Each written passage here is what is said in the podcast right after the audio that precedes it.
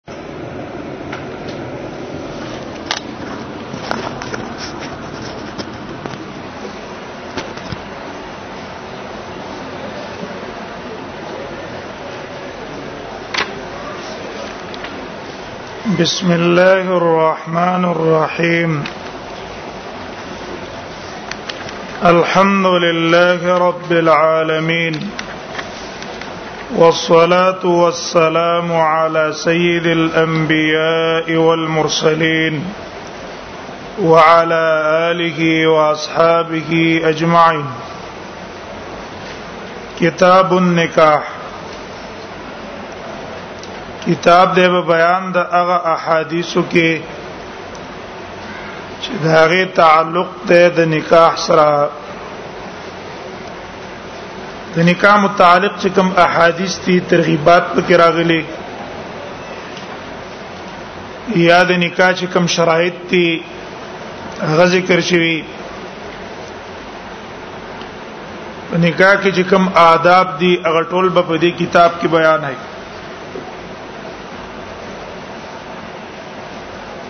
مصنف رحم الله کتاب النکاح مخ کې کتاب البيوع ذکر کړه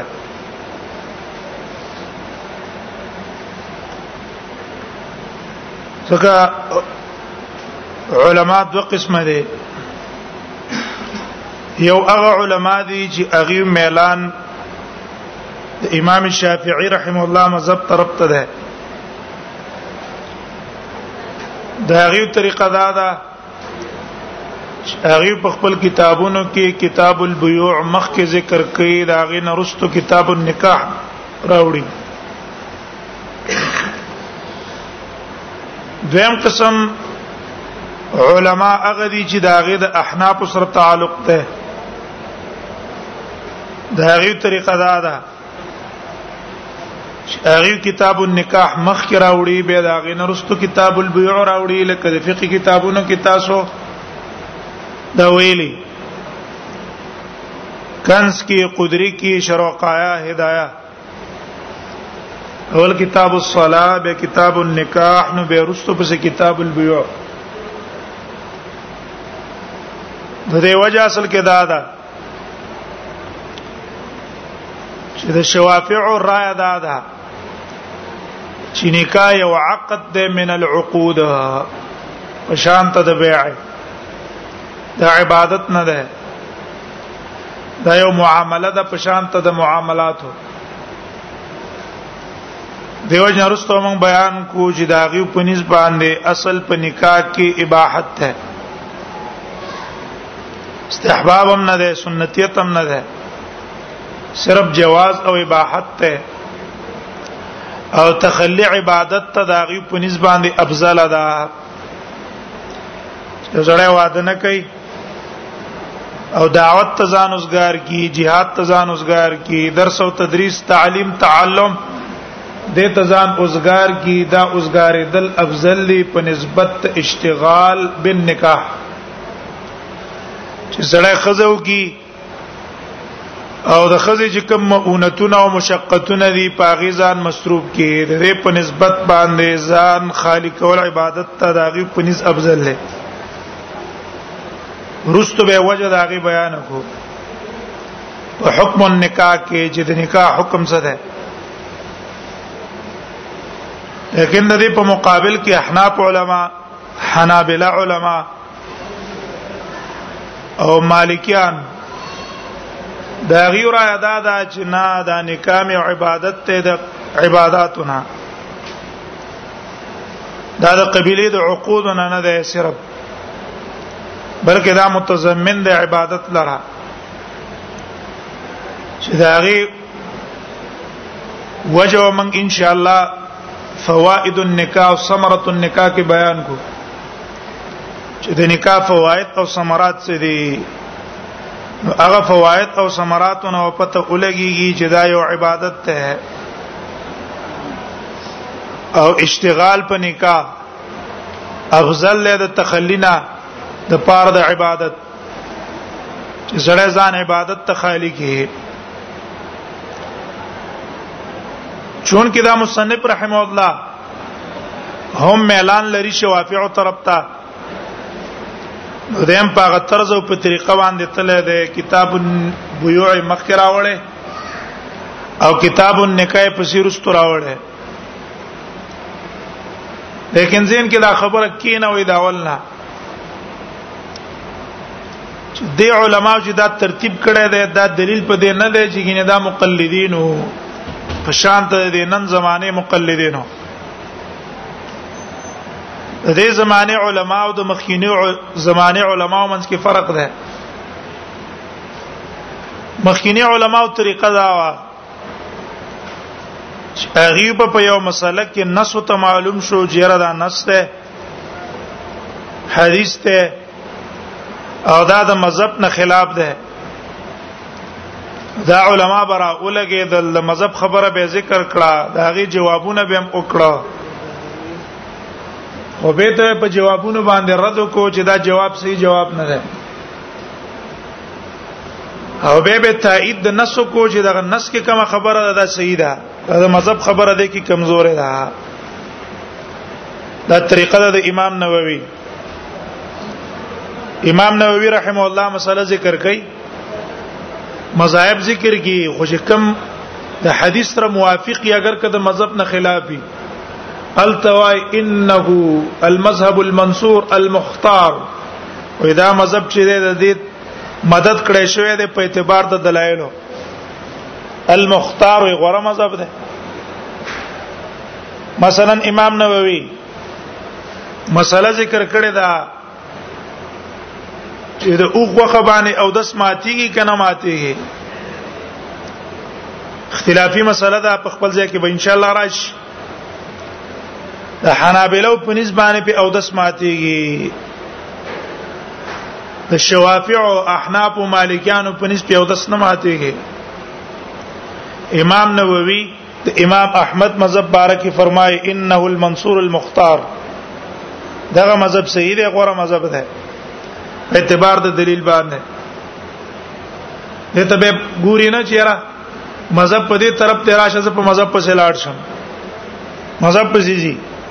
مذهب پروا نه کوي بلکې حدیث پسې زی ابن حجر رحم الله فتح الباری کې هم دا طریقه ده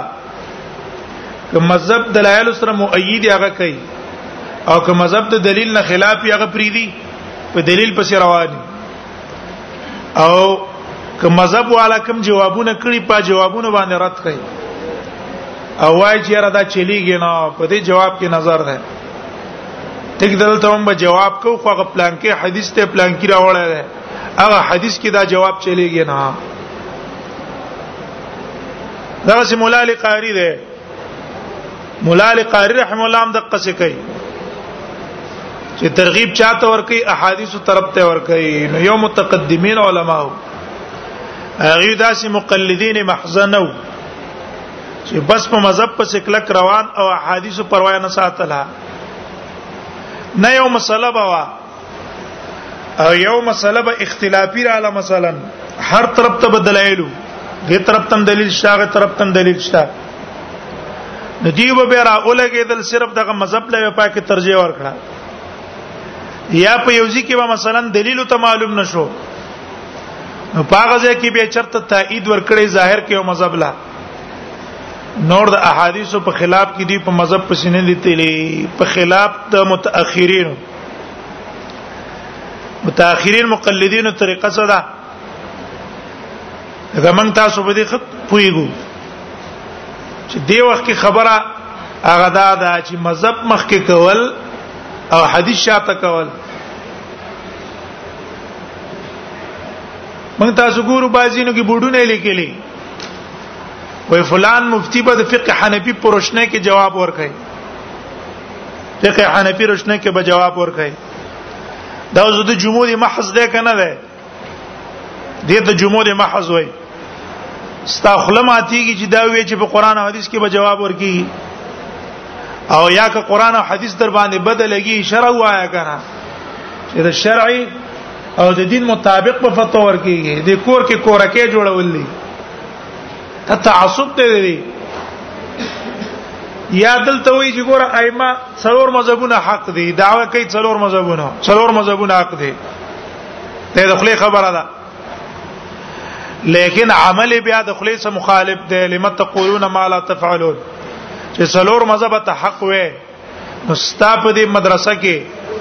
یا ستا په دې جماعت کې چې چاره په لیدنو کوله مخالفت کوي دا رف لیدن ائمه اربعه د قائل دي امام شافعی امام احمد حنابلہ قائل امام مالک نه دوه قول نقل راجح قول دا چې قائل در په لیدن ده عند الركوع عند الرفع منه اهل حدیث ټول قائل دي محدثین ټول قائل دي نو ولې په دې جماعت کې مخالفت کوي جماعت کې مخالفت پرې ده په مدرسه کې دا طالب ولې نه پرې ده ته ناروا کار کړي ته ارتکاب د ناروا وکړو کدا کار حرامي ارتکاب د حرامي کړي ټیک ده او کنا دا په ائمه په مذهبونو کې یو د په عمل او کو نه ولې مخالفت کوي ته خو اقرار کوي د دې چیرې څلور مذهبونه حق دي د څلور مذهب حق شي نو سره ولې خلاف کوي د حق پامین بلجار ولې مخالفت کوي په لاس چې پسینه باندې کې دی په دې ولې مخالفت کوي الله اس پسینه باندې قستل د امام شافعي قول له محدثین علما او قول له نو له مخالفت کې دا مخالفت دلیل د تعصب دی وجه موږ چې کوم خلاف کو نو موږ ته مخکینی علما خلق پیش کړي نه مخکینی علما سوز موږ کار نشته هغه علما ته موږ سلام وایو هغه علما متعصبین نو هغه موږ علما دي موږ دا غيو اقوال لا نقل کوو دا غي استفاده کوو دا غي خبره د تایید لپاره ذکر کوو موږ د دې مقلدین سره خبره ده دا ته په کوم تقلید باندې روانه اې دا تقلید شرعا جایز ده که ناروا ده مثلا محمود الحسن صاحب ده ترمذی باندې تقریر لیکل ہے تقریر ترمذی باغی کې دا لیکلي دي مسله د خيار مجلس ذکر کړي هدايه کتاب الوعي کې باول دلالش شي یو سره بيع کوي ما تا باندې شی در خرج کو تاواغستو دا بيع به کله ثابتيږي حق د رجوع به کله منګل نه دا احناف او مذهب دار چې تفرق بالاقوال له تفرق بالاقوال اگر که په دې مجلس کې منګناشتي او چې د بيع او د شراء خبره ختمه شوه نو د بيع او د شراء خبره ختمېدونه بعد نور خبري شروع شوې وس که زوایم چې دا کتاب تر باندې نه خرڅوما ما د پاره حق د رجوع نشتا تر څو پورې چې تماسه اقاله اون کې اقاله اقاله دار چې زمړه ته په خپه بس ما الله د رضا د پاره دا شی ته واپس کو که اقاله ته ما ته اون کې زه تا نه شم واپس کولای نه په صورت د قاضي انې په صورت د اجبار یو صورت کې هم نشم واپس کولای او نتبه تماته شي را واپس کولای شي وې دې کې تفرق تفرق بالاقوال له د شوافع مذهب ته ده او دا د محدثین علما مذهب هم ده چې نا تفرق نه مراد تفرق ده بالابدان چې دې مجلس کې ترڅو پورې موږ ناشتي اگر که خبرې جدا را جدا شوه دا ټول په یو مجلس حسابيږي اگر که دوه غنټې ناشتي درې غنټې ناشتي خبرې بدل را بدل کړي نظم د پاره حق ته رجوع مشته استاد د پاره حق ته رجوع شته غیر د اقاله نه ته قاله کې او رضا یو کنه رضا یې دا د شول کما تاسو لا ایجاب نه کړی یا تعالی قبول نه کړی حق شته او ظاهر حدیث دا ده البيعان بالخيار ما لم يتفرقا تر څو پورې جداغي جدای نه راغلي احناف چې کوم جوابونه کړي هدايه کتاب البيوع کې درې جواب کړي دي د حدیث تعویلونه کړي درې وانه تعویلونه خطا دي ولی د حدیث د عبد الله ابن عمر نه نقل له عبد الله ابن عمر راوی دی د حدیث او راوی د حدیث په خپل روایت باندې خپويږي بي ادراي ادا د احناف قولم نه عبد الله ابن عمر حدیث پر بولیدین کې وایي سړی رکولا زی سر لاسونه با غوګونو پورې وړي د رکونه را پورته شي احناف سره غټ دلیل څه دی مجاهد وای مجاهد وای چې ما عبد الله ابن عمر اولید چې هغه په لدین پرې قسته دی وی ګورا دې صحابي چې د خپل روایت نه خلاف وکړو دا دلیل دی په دې چې دا حدیث منسوخ دی کني د خپل روایت نه به خلاف عمل نه کوله دا د دې قاعده ده د احناف حالدار چې دا قاعده سمنګ سره مینونه او سمنګا مینونه وجدا ده چې موږ مکلفي په تابعداري د حدیث نه پرای د صحابي کې دې صحابي نه د حدیث ارشوي ډېر احادیث د صحابو نه ارشوي خطیب صاحب کتاب لیکلی دی کتاب په دې خبره باندې چې استاد حدیث ویل دی د دنه ير شوی دی شاګرد ته یاد دی بیا شاګرد ته دا حدیث بیان کړي او دا استاد بیا دا حدیث نقل کوي حدث عني فلان عني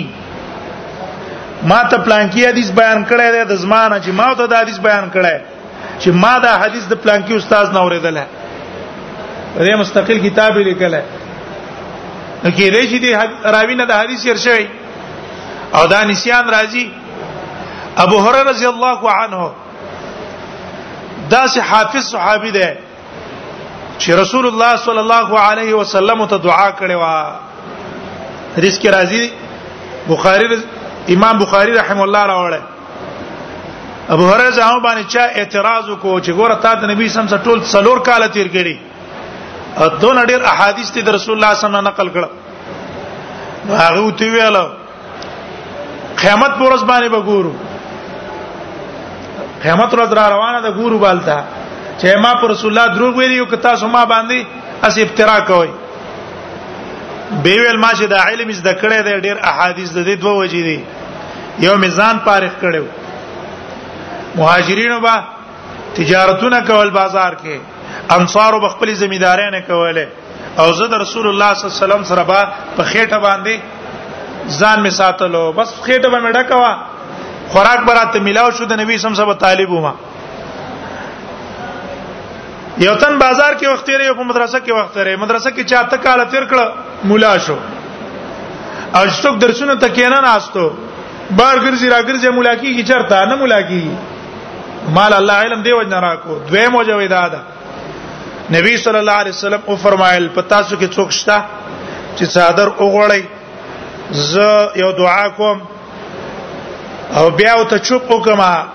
او دا صادر د ځان نتاو کیدنه به یو خبره نه یریږي ابو هرره ځان زر ما صادر واچو نبی سم دعا وکړه دا غې نه بعد دا صادر مان ځان نه متاو کو وې دا غې نه پس مان یو خبره نه یره شوی دون حافظه ابو هرره ځان ته الله الله ور کړې وا لیکن دقه ابو هرره ځان کو نه روایت نقل لے چې د یو ځل کسانو ته حدیث بیان کو چې نبی صلی الله علیه وسلم فرمایي لا عدوا ولا طیرا بیماری نقل کېدل هم نشتا ولا طیرا او بدپالی هم پچانه نسی چې دا پلان کې راغی د پلان کې د راتګ د وجه دا کار وشو بدپالی به هم نه نیسي او بیماری نقل کېدل هم نشتا یعنی چاته به جړې نقل شي چاته به زکام نقل شي دا نه نقل کیږي کم ډاکټران چې وایي چې امراض نقل کیږي دروغ وایي مونږ ته د ډاکټرانو نه ډیر مقبول څوک دی محمد رسول الله صلی الله علیه وسلم دی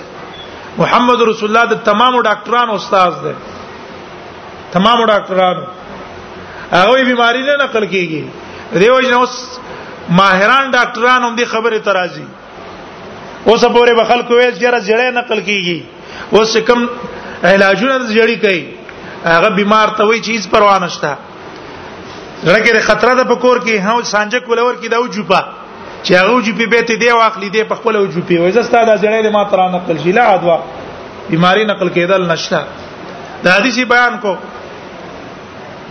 بل ورځ سورځ تیر شوه بل حدیث بیان کو چې رسول الله صلی الله علیه وسلم فرمایي لا یریدن ممرض ممرض علی مصحح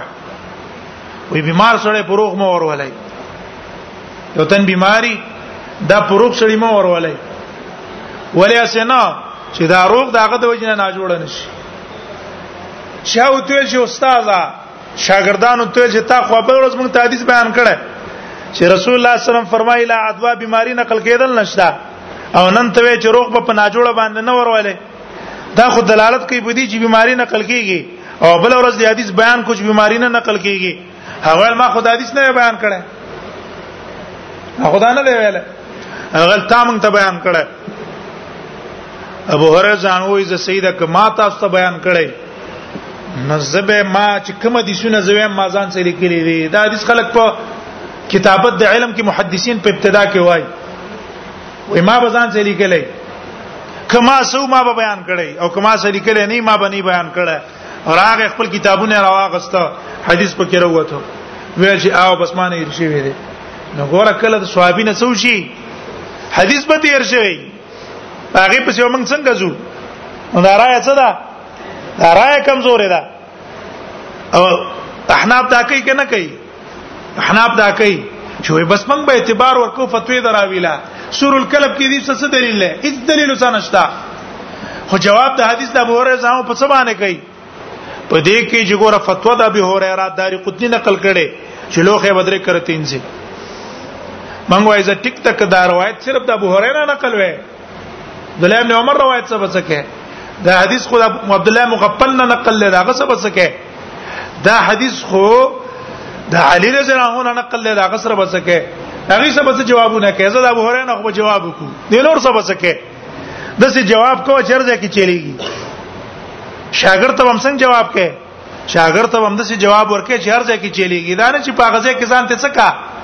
خلاص کا به د شاګرد خپ ټوپک بوګه باندې خیر ایزه په پیالې دي سولما څو په علماء علي حدیث په دې ټوپک علماء چې هلته ورشي گزارو کې ګولې پوچو کیږي به ورختای کنه چې دا څه چلو شو نه ګولیم چې شاګرد لورکه پورا ګولې ولا ورکوا جواب کتا کړی او مو چې دا ګوره کمزور دی دلته ته ځان خلاصو او مخ کې پنه چلیږو بل چا څه بدی څه نشو کولای چلیدل پنه شو کولای نو التم دا جواب کوي منګ وایي دا فتوا د بهره اعتبار نشته منګ اعتبار چاله ده راوی لره خبره دې تلاړه چې احناف اعتبار چاله ور کوي فت راوی روایت اعتبار ور کوي دلته اوس راشه عمل د عبد الله ابن عمر خيار مجلس کې څنګه وو تفرق بالاقوال نه تفرق بالابدان ده عبد الله ابن عمر رضی الله عنه به چانه څه شی واغستو سم دواره د غزنه منقل شو او دا اول نقل کېدو نو زم کې خبره دار راځي چې دا اول نقل کېدو نو دا نقل کېدو اصل کې د دې د پاره چې یو دا سړی کچرته په ناراضای چې به تماسه بیا شی واپس کین نو زبوس اقاله وکم چې الله مال اجر او ثواب د سره کی د اقاله را کی په دینت باندې لری کېدو نو ګوره دا روایت هم د چا نه نقل لای عبد الله ابن عمر نه او عمل د راوی موافق نه چا سره روایت سره او راوی پر روایت باندې خپويږي په نسبت د غیر نه د دې روایت مبارک دغه وای محمود حسن صاحب وای دلیل د امام شافعي سره قوي دی دلیل په اعتبار د دلایلو مذهب د امام شافعي قوي دی په اعتبار د دلیل ولکننا مقلدون لیکن موږ چون کې د امام صاحب مذهب مقلدین لہذا موږ بچاله اعتبار وکړو تفرق بالاقوال لبور کو موږ داسې مقلدین په مخکینی زمانہ کې تیر شوی نه دی او زمنګ لانجه د دقه سي مقلدین سره ده او کتب په موازی او منسوسو کې تقلید نه کوي حدیث په زیزي او چې کوم ځای کې تاسو را نس نه یو امام سه په زیزي قلاری په سلاټ شه تاسو مونږ جنگ نه کوو هغه محبت ته تاسو په لکه نه وتله اگر کدی وخت مونږ ته ته وایو چې به امام سه په زیمه عالمي مفتی مولای امام شافعي خبرم کړه امام مالک هم کړه امام احمد هم کړه او امام بونی فرحم الله هم کړه په په تدبر او سوچ وکړه چې دا چا خبره د حق د قواعد سره موافق هغه تر واخله څه خو ته خاصه مفتی صاحب یې کړه مفتی صاحب شیخ القران والحدیث ځان ته مولا وې فقيه وې نو بیا خو ته تدبر او سوچ پیو کنه چې بس په یو لن کې د ځان ورمنډل دی نو دیو جن د موجوده مقلدینو سزمن په دې باندې خبرې دي د مخکینی متقدمین علما سزمن دا خبرې نه دي هغه سره دا خبرې نشته نو دا مصنف رحم الله دام پاګه طرز باندې تله په طرز د شوافیو کتاب الهوی مخکره وړه او کتاب النکاح رستو راوړې او ویل کتاب النکاح کتاب دې په بیان د احکام د نکاح کې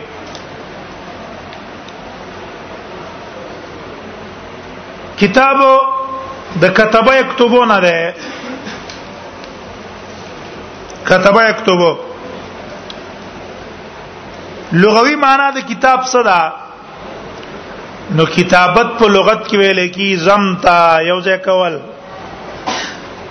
یو ځای کول عرب وايي كتبت القربه كتبت القربه هغه وخت کې وایي چې سړی مشک وګنډي ټوټه ټوټه دیو بل سره یو ځای کی کنه نو كتبت القربه وای کتیبه چاته وای کتیبه عرب هغه دستې د فوج ته وای چې پک ډیر اسونه راجم شي وکتیبه لبستها بکتیبه حتا اذا التبست نفست لها يدي ډېر دستې ما دیو بل سره مخاپخ کړې دي تر دې چې یو بل سره مخامخ شو ما ته به لاس څنډلې عزت وتلې ما او دې په خپل منځ کې بجنګ چولې کتابت ته کتابت زکوي کتاب ته کتاب زکوي چې دام زم کوون کې ده د پاره ده حروف او د کلماتو دې کتاب هم څه کړی حروف او کلمات راوځي کړی دي زم کړی دي نو زکو ته کتاب وای او په اصطلاح د علماو کې کتاب څه ته وایي نو په اصطلاح علماء کې کتاب ویل کېږي طائفه طائفه من المسائل مشتمله دا څه ایسه څه ایسه ده یا د سوای طائفه من الكتاب مشتمله على مقاصد مختلفه دا څه ایسه ده د کتاب چې دا غي د لاندې به مختلف عنوانات دي مختلف عنوانات لکه مثلا دلته کتاب کې قصته نو د دې کتاب لاندې به مختلف ابواب دي مختلف ابواب او هر باب مستقل مستقل عنوان دی یو بل نه جدا جدا دی النکاح نکاح معنا موږ رستو کو خدل ته وسوای چې موږ ویل دا کتاب دی نو دې کتاب لاندې عنوانات دي مصنف اول عنوان نه دی اخه اول عنوان نه دی ښه ځکه دې کتاب لاندې رستو به بل باب راوړي کنه رستو بل باب راوړي دریم فصل نه باب بعد باب الولی فی النکاح واستئذان المرأه دا دلالت کوي په دې چې لاندې څه دي مستقل ابواب دي دلته منګه عنوان کیدو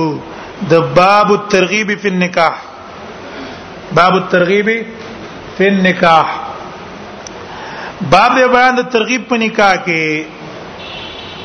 په دې باب کې نکاح طرف ته ترغیب ذکر کړي به په دې کې باب کې به مصنف رحم الله اتلس احادیث راوړي اتلس احادیث په دې باب کې تر هغه دویم باب پورې اتلس احادیث په مصنف رحم الله راوړي او دا اتلس وانو احادیث رجب څلورو مسلو ته یي څلورو مسائل ته راځه ده اوله مسله به بیانې الترغیب فی النکاح غرض د احادیث بچي ترغیب به نکاح ته چې نکاح کول پکار دي د نکاح فواید به بیانې د هغه ثمره به بیان کی نو نکاح طرف ته به ترغیب ورکړي دویم مسله وی بیان صفات الزوجه ګوره خزه چې کې نو کم صفات والا خزه کول پکار دی نو بیان صفات الزوجه د خزې د صفات په ذکر کې چې ګوره دي صفات والا خزه په کار ده چې دا دا صفت پکې وجه دا ده چې اثر الاباء تظهر فی الابناء د مور او د پلار اثر په چا کې ښکار کیږي دا په اولاد کې ښکار کیږي د چا مور چې خو اخلاق او پلار ښه اخلاق او عادت والو اق اثر به پاولاد کې مرضی او چې غلط خوین او غلط عادت والو داغه اثر په پڅ کې راځي په اولاد کې به قصي اثر راځي نو دیو جن صفات الزوجه به بیان کی چې دا دا صفات والا قضاو کوي دا دا صفات والا دریم نمبر مسله به د احادیثي چې پای کې به الترغیب فی النکاح مع بیان الصفات هم په دغه حدیث کې بدن نه نکاح تم ترغیبی او د ترغیب ال النکاح سره سره به بیان د خزې د صفاتو چې کومه خزه کول پکار دي کوم صفات والا خزه پکار ده دا یو مسله سلورو مسله به دا بیان کی چې ټیک د نکاح خو غره خشه ده خو ان نکاح سبب الفتنه وردا د فتنه سبب هم ده ځان په طرف کې ساتي او خيار به ساتي اسینا احتیاط د سننې په بی احتیاطي د وجه په فطرت کې پرې نه وځي هغه مچ په شاتو راشي کنه او بزان په کې ورکیې نه چې بشات دي وزسته په کې سر به وخوري کنه به سره الوته نشي او چې نه ځانې په طرف ته کېناستو صرف په خړته مغې ته وروړي نو کار به حاصل کی او ځان بم ته په وباسي وګوره دا سبب ته د پاره د فتنه نو دریم قسم څلورم نمبر احادیث په دقه طرف ته رجوعي دا سبب ته د فتنه لکه دا به ذکر کی اول فتنه بنی اسرائیل كانت فی النساء او ما ترکت بعد فتنه ما نه رسته چې کومه فتنه پاتې ده دا د زنانو نه زیات لوی فتنه بلشته ده نه دغه حاصل او خلاصه د باب شو اوس راشي لفظ د نکاح ته کتاب النکاح نکاح د نکاح ینکحونه ده خپل اصلي معنا د نکاح څه ده نو اصلي معنا کې نکاح ماخوذ ده من الضم والتداخل من الضم والتداخل خپل اصلي معنا د نکاح زم او تداخل لري چون کې په نکاح کې تداخل او زمي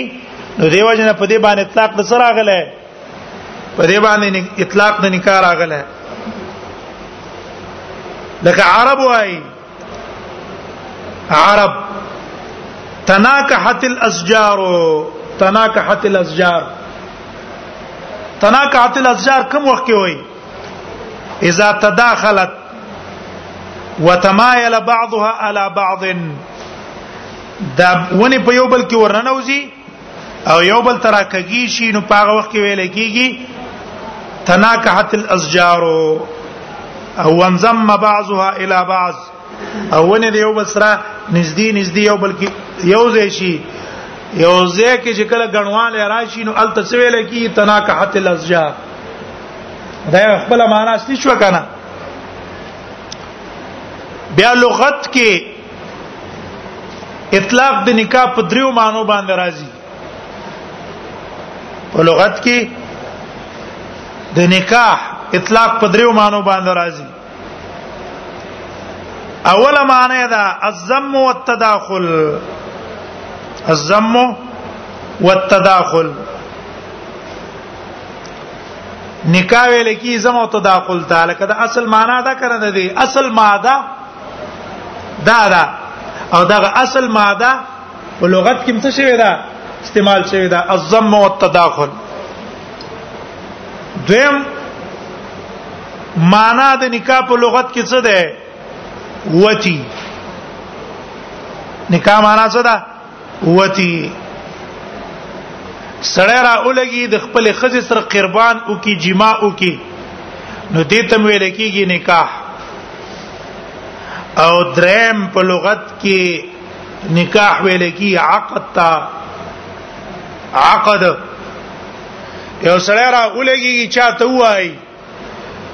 ما تعالی د خپل لور یا د خور یا د تر لور د چې د چا ولی ده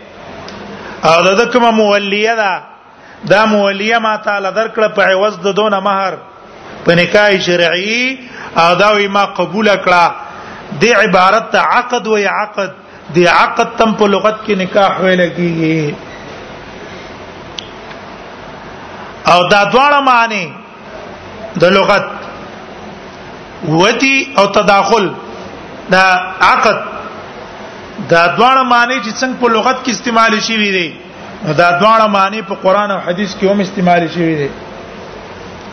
قران کې کله لفظ د نکاح استعمال شوی دی او مراد تن عقدي مراد تن سي مراد تن عقدي دارنګ کړه لفظ د نکاح استعمال شوی په قران کې او معنا به د سي معنا به د جماعي د عقد په معنا قران کې استعمال شوی دی لکه فانكحوا يا فانكحوهن باذن اهلهن واتوهن اجورهن لفظ استعمال لكنا فانكحوهن باذن اهلهن سوره نساء کې الله دا ذکر کړه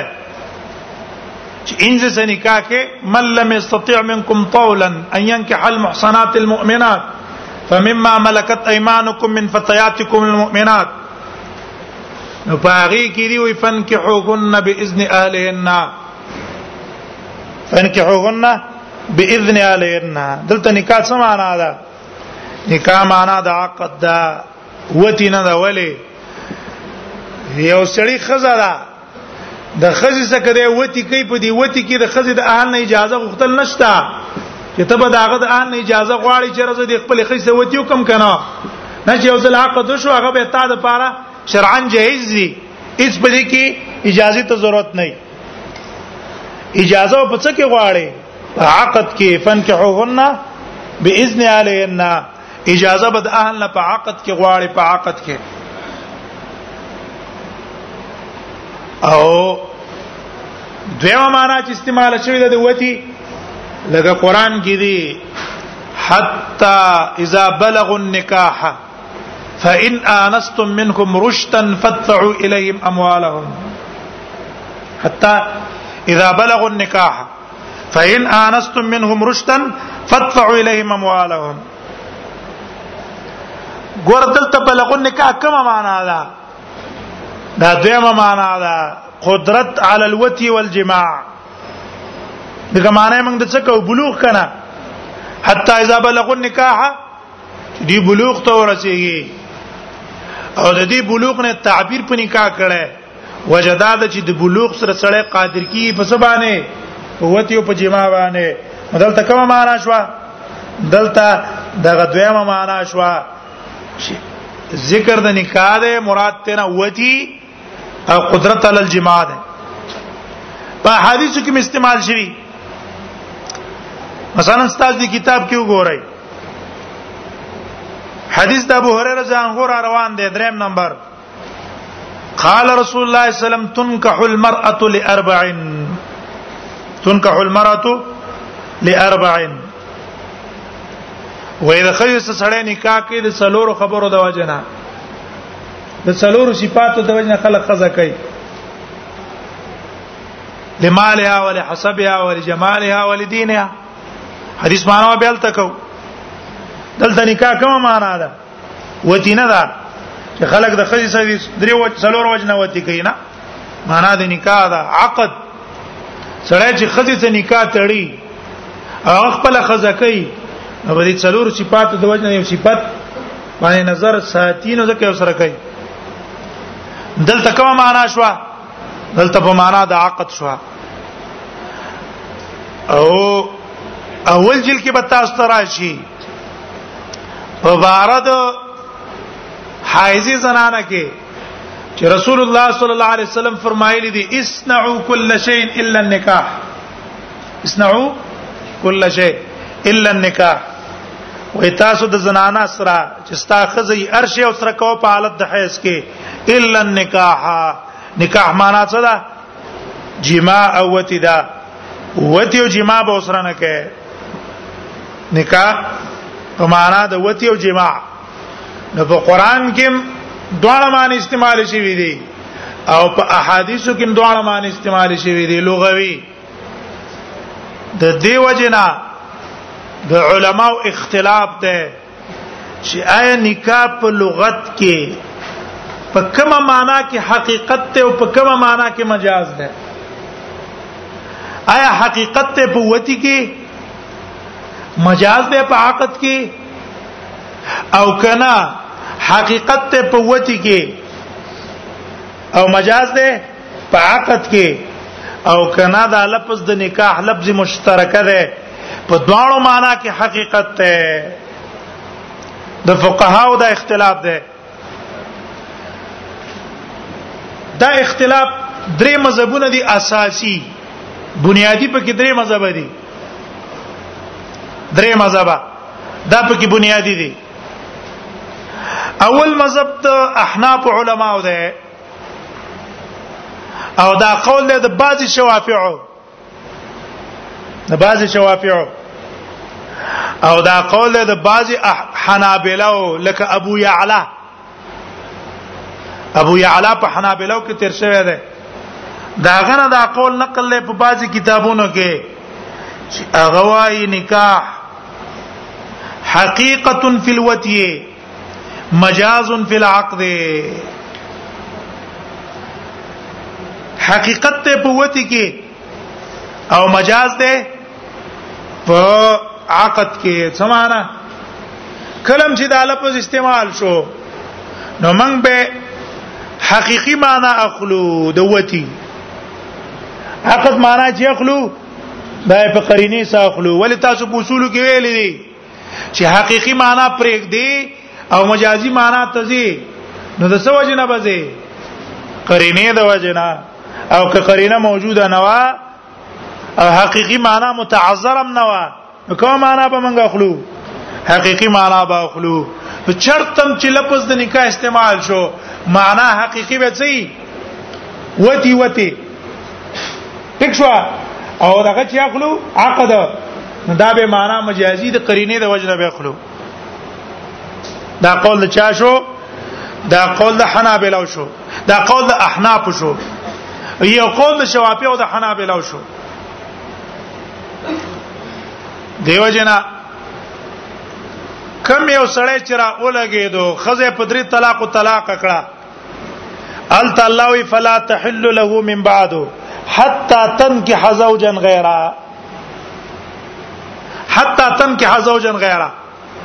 د احناف قول چې واخلې نو تنکیه خپل حقيقي معنا څه ده د جما او دلیل په هغه حدیث ته لا حتا تذوق عسیلتا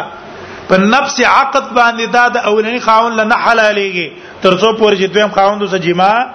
کړی نه ټیک شو نو کوم ځای کې چې لفظ استعمال شو حقيقي معنی به دي صحیح وتی معنا مجازي چې عقد من اخلو د قرینه د وجنه به اخلو څه د وجنه به اخلو قرینه د وجنه دویم قول د جمهور علماو ده شوافع مالکیان حنابلہ اغي وای جنا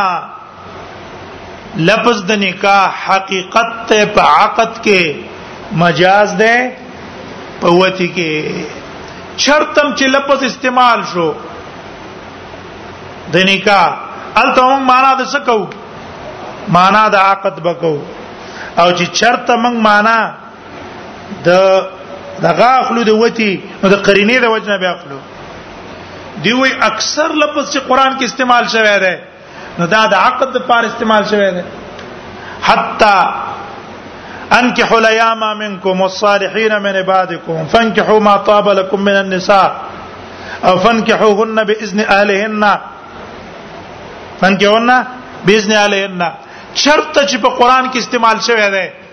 التمانا د څه ده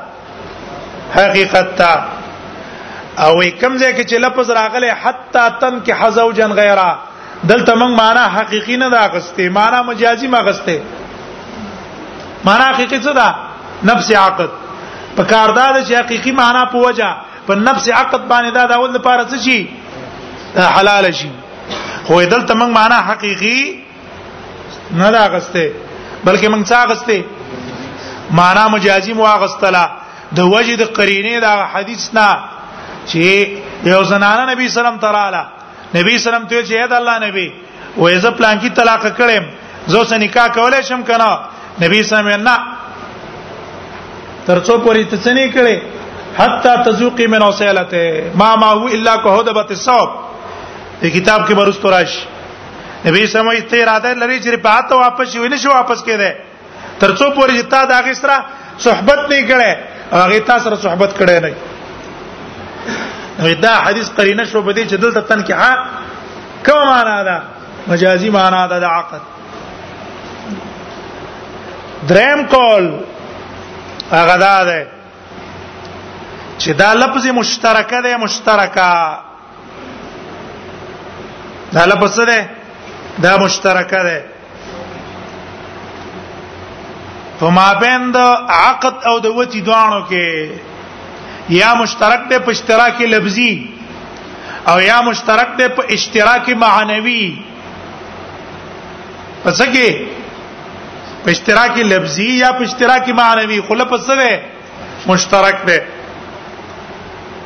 په دواړو کې حقیقت ده په دواړو کې څه ده حقیقت ده په عقد کې حقیقت ده او په وتی کې حقیقت ده هر معنا چې موږ واغستله هر معنا به حقيقي دا نه چې یو به حقيقي په مجازي دا قول دی د ابو علي الفارسي امام د لغت او دا قول د بعض شوافع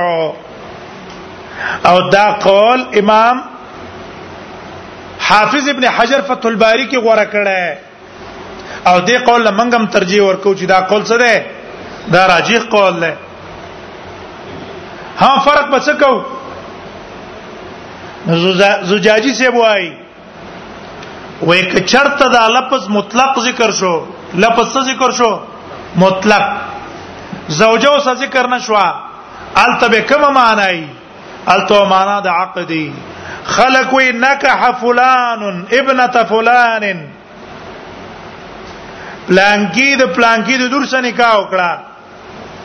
نو معنی دا څه ده عقد ده یا نکح فلان نکح فلانا مطلق ذکر شو کنه نو معنا به د سی د عقد عقد او که یو سړی وای نکح فلان زوجته نکاح کپلان کې د خپل خزه سره التبه کما معنی الته به معنا د وتی ځکه د خزي سار وخت سره عقدونه نه کوي یو ځل عقد کوي بس نو دواړو منځ کې څه ده دواړو منځ کې مشترک ده او دا قول موږ څکړلو دا قول موږ راجح کو اوس یې تاسو دا خبره راځي چې په دې لغت موږ څه کوو ولغت موږ څه کوو ولی تعریف شریط نکاح اخو معلوم ده نو لغوي تحقیقات ته کوم څه ضرورت ته چې دا تونه وخت په تیرو زین ته دا سوال لازم کنه ته دې پیدا څه ده د دې ثمره څه ده د دې لغاتو فایده او ثمره شته د دې لغاتو فایده او ثمره شته لغت په سره سپک نه غړني دې لغت ته برجه کې لکه دا مسله ان شاء الله تاسو بار بار راشي یو الفاظ شرعي استعمال شوی نو که شریعت تشریح کړي موږ په کوم محموله وو شریعت باندې به محموله وو او که شریعت تشریح موږ ته نه کړي نو به به تشریح په چا باندې کو په لغت باندې یا په عرب باندې په عرب یا په لغت په تشریح کو خانو دې سماره څه ده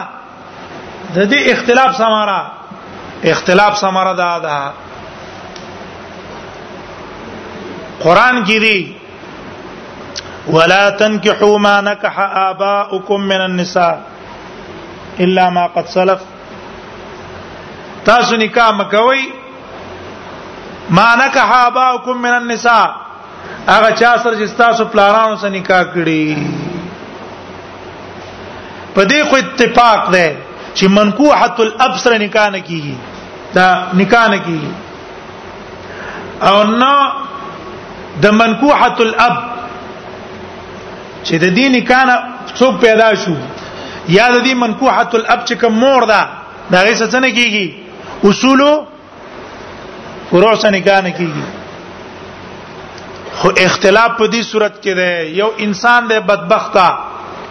اگر اولګېدو د یو خل سه بدکاری وکړه زنا او څو وکړه وز د دې سړی زوی را لګيږي او د دقه مزنی د پلار سره نکاح کوي آیا د نکاح سره جایز ده کنه ده یا د دې مزنی د مور سره مزنیه الاب د شړی پلار د چا سره زنا کړي او د هغه خدي مور سره نکاح کوي نو آیا دا سړی اوس نکاح کولای شي کنه شي کولای احناف علما وایي چې نکاح حقیقت ته پوتی کې د د د پاره د منکوحه الابصر نکاح ناروا او د موتوه ال د مزنیه الابصر نکاح ناروا لعموم قوله تعالى ولا تنكحوا ما نكح آباؤكم من النساء انا دې د مور سره نکاح کولای شي زين تم خبره پرې وتا جمهور علما وايي چې نه نکاح اصل له پڅ کې عقد کې نکاح د منکوحه الابسن روا ده او کپلار را اولګي دی او خزه سي بدکاری کړي ده دا خزه په دې ځای نه آراميږي ځکه دا نکاح نه ده دا څنګه ده لا تنکحو کې داخله نه ده ولا تنکحو کې داخله نه شو نو د دقه خزي د مور سم نکاح کولای شي د خور د نکاح وسه کولای شي د دغه خزي سم نکاح کولای شي دویم صورت د زین غرزیدو د پاره دویم صورت یو سړی قسم وکي والله لا انکح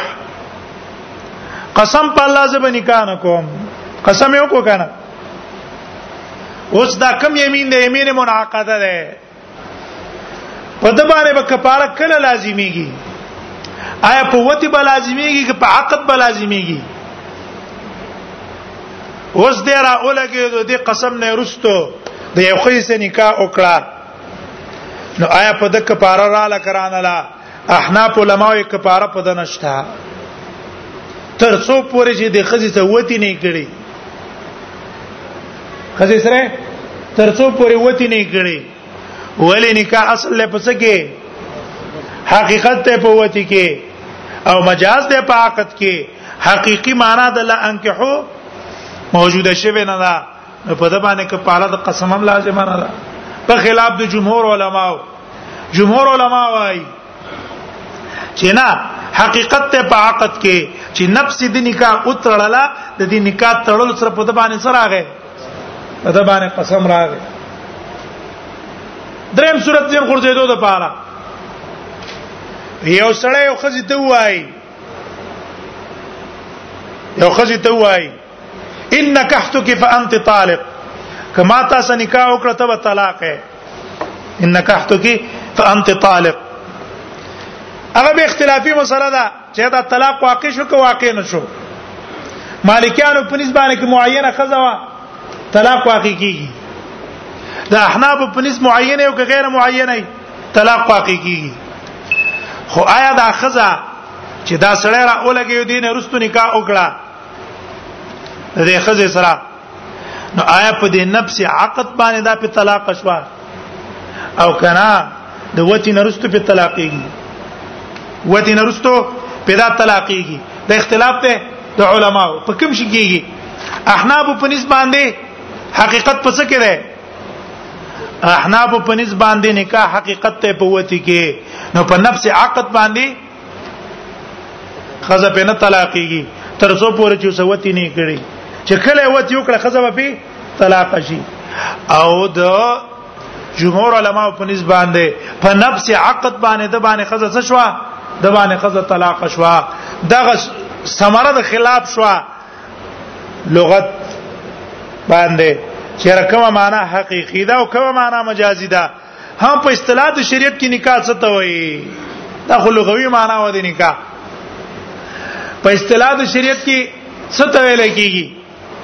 نو په اصطلاح د شریعت احناف جدا تعریف کړي مالکیان جدا تعریف کړي ده